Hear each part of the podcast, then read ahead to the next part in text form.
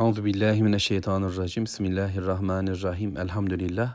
Allahumme salli ala Muhammed. Eşhedü en la ilahe illallah ve eşhedü enne Muhammeden abduhu ve resulü. Sözlerin en güzeli Allahu Teala'nın kitabı olan Kur'an-ı Kerim, yolların en güzeli Hz. Muhammed sallallahu aleyhi ve sellemin yoludur. Fetih suresinde ayet 21'deyiz. Rabbimizin izniyle Allah hamd ediyoruz. Allahu Teala Müslümanlara Hudeybiye'den sonraki günlerde verdiği nimetleri sayıyor. Ee, birincisini tekrarlarsak Allah'ın rızasıdır. Sonra Allahu Teala sekinet indirmiştir. Kalplerimizdekini bilen Allah üzerimize sekinet indirdi. Ve yakın bir fetih, muhtemelen Hayber'in fethini ihsan etti. Ganimetler sonra hem de pek çok. Allahu Teala diğerlerini de vaat ediyor. Hayber'i verdiği gibi diğerlerini de vereceğini bize söylüyor. Ama acil olarak, peşin olarak bize hem Hayber'in fethini hem de insanların Müslüman oluş nimetini bahşetti.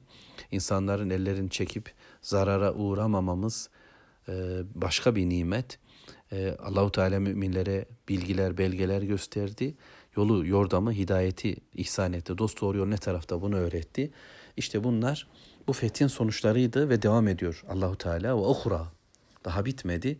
Dahası da var lem takdiru aleyha kad Allah biha. Allahu Teala'nın ihate ettiği, Allahu Teala'nın kuşattığı bir toplum var, bir dünya var.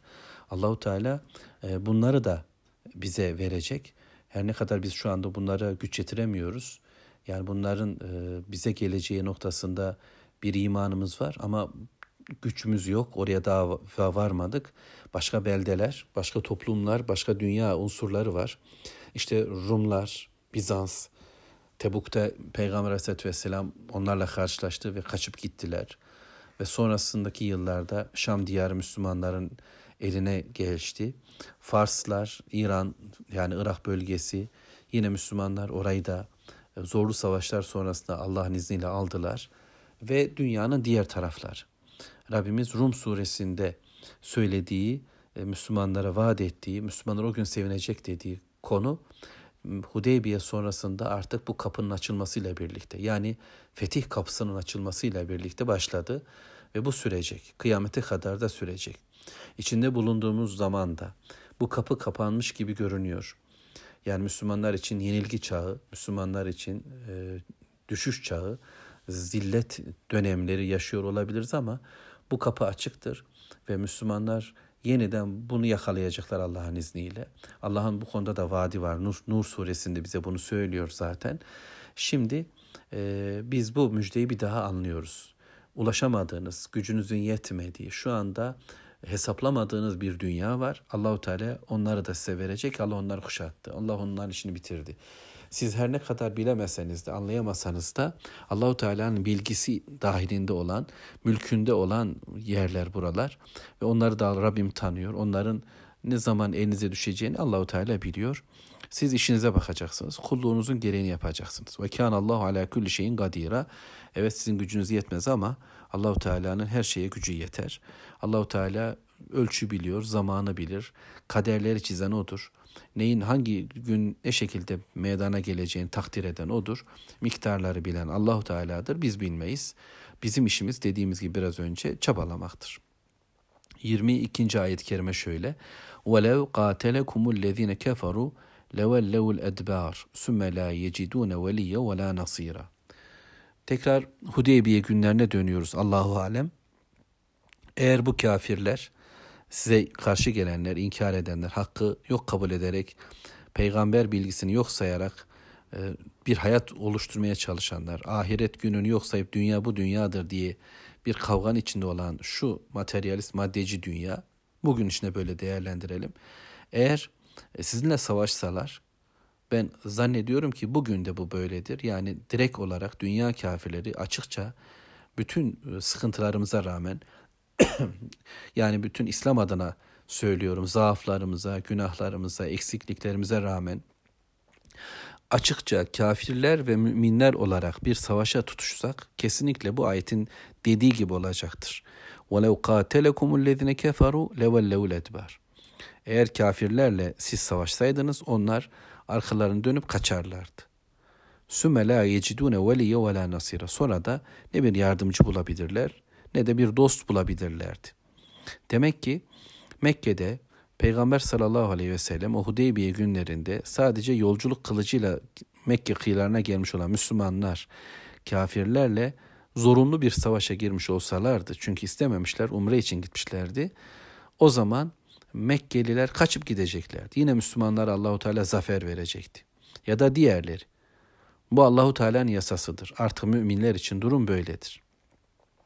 Müslümanlar Müslümanca bir duruşu yani o biat sırasında ağacın altındaki kararlılıklarını, ölümüne bu yola baş koyuşlarını cihat sofrasında da ortamında da gerçekleştirdiklerinde ki öyledir. Kafirler kaçıp gideceklerdi. Ama Allahu Teala bunu murad etmedi. Bunun niye murad etmedi? Allahu Teala niçin bir savaşı istemedi? Mekke zaman niçin bir anlaşmayla Müslümanların geri dönmesini istedi? İşte fethedilecek yürekler vardı, gönüller vardı. Onların Müslümanlaşmasını istiyordu Allahu Teala. Yine başka ayetlerden de öğreneceğiz inşallah gelen ayetlerde. Mekke'nin içerisinde de Müslümanlar, Müslüman olacak kimseler vardı. Allah onların kalplerini biliyordu.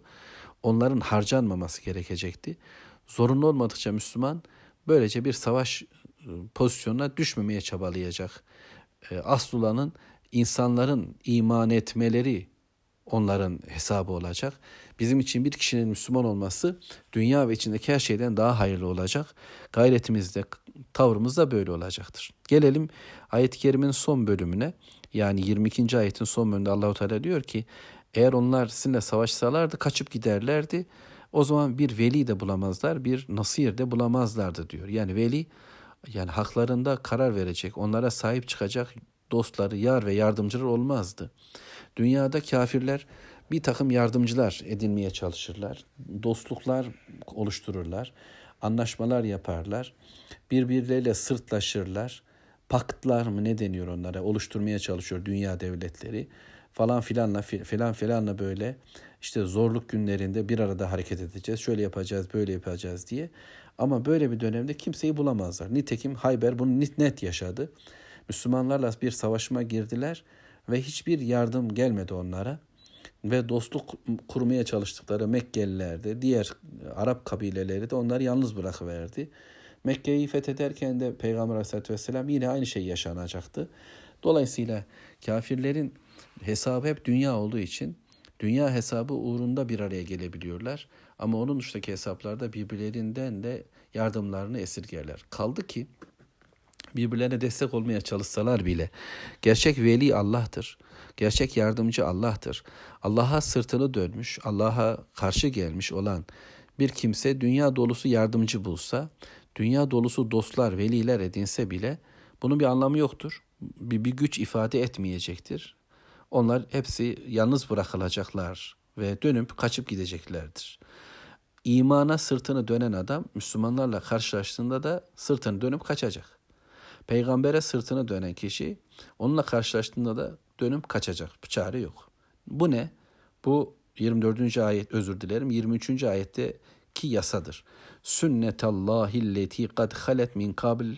Bu Allahu Teala'nın öteden beri süre gelen bir sünnetidir.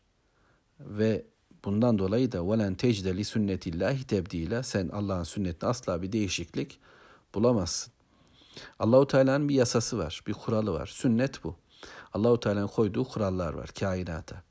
Yani işte klasik ifadeler belki ama hani yukarıdan aşağı atılan taş yere düşer filan. Hani bu bir kuralsa, bu bir yasaysa Allahu Teala'nın insanlar için de verdiği bir yasa var. Bir savaş yasası, bir barış yasası mutlak var. Allah'ın yasası bu.